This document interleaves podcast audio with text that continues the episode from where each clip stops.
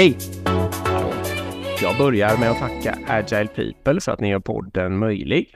Idag tänkte jag eh, slå ett slag för, du brukar säga det ibland också, men jag tänkte slå ett slag för att de har ju på riktigt konsulter så att säga, som kan hjälpa till med lite vad som helst. Coaching eller liksom eh, städa i svåra frågor och sånt där.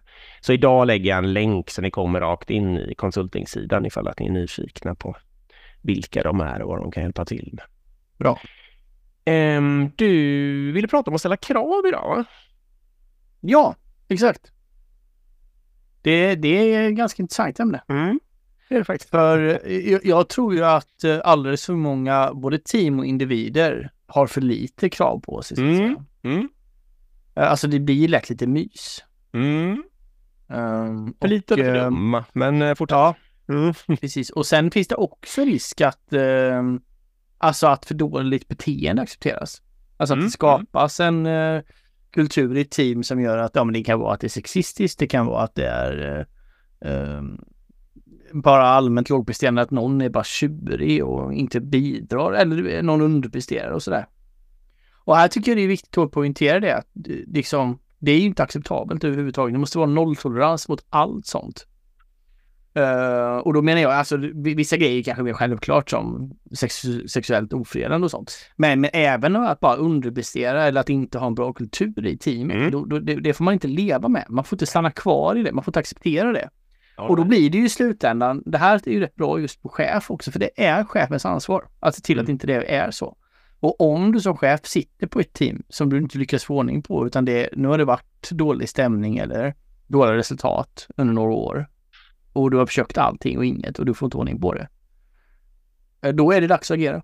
Då Mm. ska chefen, antingen ska chefen bort helt enkelt, eller individerna bort, eller så får ni splitta upp göra något nytt av det och sådär. Mm. Mm. Men det måste finnas en viss, alltså det är alla, jag tror de flesta människorna gillar att jobba lite när det finns en tydlig kravställning också. Och det finns Mm. ett tydligt budskap om att här är det leverans som gäller, annars är det out.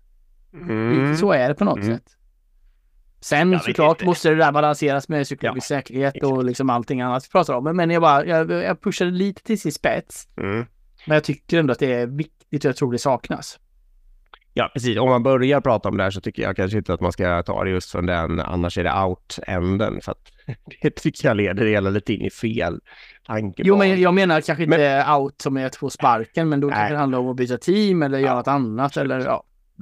Och jag ska säga också att jag ska påminna om en smart sak som du har sagt tidigare och det är att kulturen definieras av det sämsta beteendet som du släpper igenom eh, i en organisation. Så kom ihåg det, att det som liksom är det minst bra som ni ändå accepterar, det definierar hela kulturen. Mm. Jag trodde du skulle prata mer om hur man ställer krav på att folk ska göra, alltså leverera, alltså mera specifikt så här hur mycket man ska göra, om det ska vara i tid och sånt där. Eh, det kanske är det du menar i och för sig. Jag tänker mycket på att jag tror att, eh, vad ska man säga, jag vill i alla fall själv då gärna ha långsiktiga och ganska tydliga krav på mig. Och de, krav, och de vill jag gärna ska kretsa kring och göra smarta försök liksom på något sätt. Mm.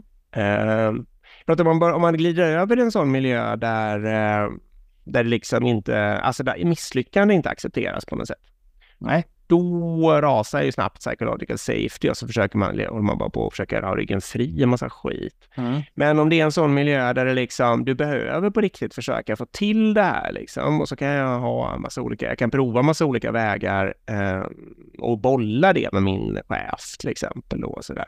Men det är väldigt, väldigt roligt. Men att det ändå är liksom, jag måste spänna bågen, det är högt ställda förväntningar. Men Mm. att det ändå är liksom en trygg miljö när jag försöker skapa det. Ja men absolut, det, återigen det är en balans och vi pratar väldigt mycket om den här trygghetssidan. Så det är därför jag ville pusha Mm. lite åt det här hållet bara. Ehm, Nej, för Ja, men- jag, mm. jag är helt med i att om det liksom är det, det, det här omvända då, att jaha, oj lilla gubben, eh, gick det inte det bra? Ja, men då, för, då struntar vi i det. Alltså liksom, då blir det ju inte alls kul.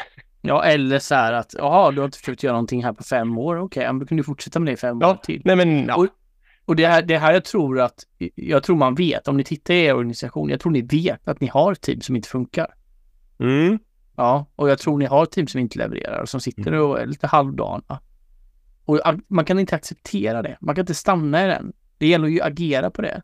Och då gäller det först att tydligt kravställa chefen om att det här är inte okej. Det här teamet ska bli ett högpresterande team. De här ska få en outcome, de ska ha en tydlig produktion, de ska leverera saker. Uh, och om inte den chefen lyckas uh, göra det, då måste man göra åtgärder då. Alltså ändra saker, ändra chef, ändra konstellation i teamet, ändra uppdrag. Alltså ja, man måste aktivt göra saker. Man får inte Mm. fastna i det här att det inte händer något. Det är mer det tror jag som är Mm. Nej, men det håller jag med. Jag är inte snabb på det där by- byta folk. Men absolut. Men jag håller med om att man behöver göra något. Mm. Mm, ja, nej, det var ju fem. Bra. Mm. Tack, tack för att ni lyssnade. Hej.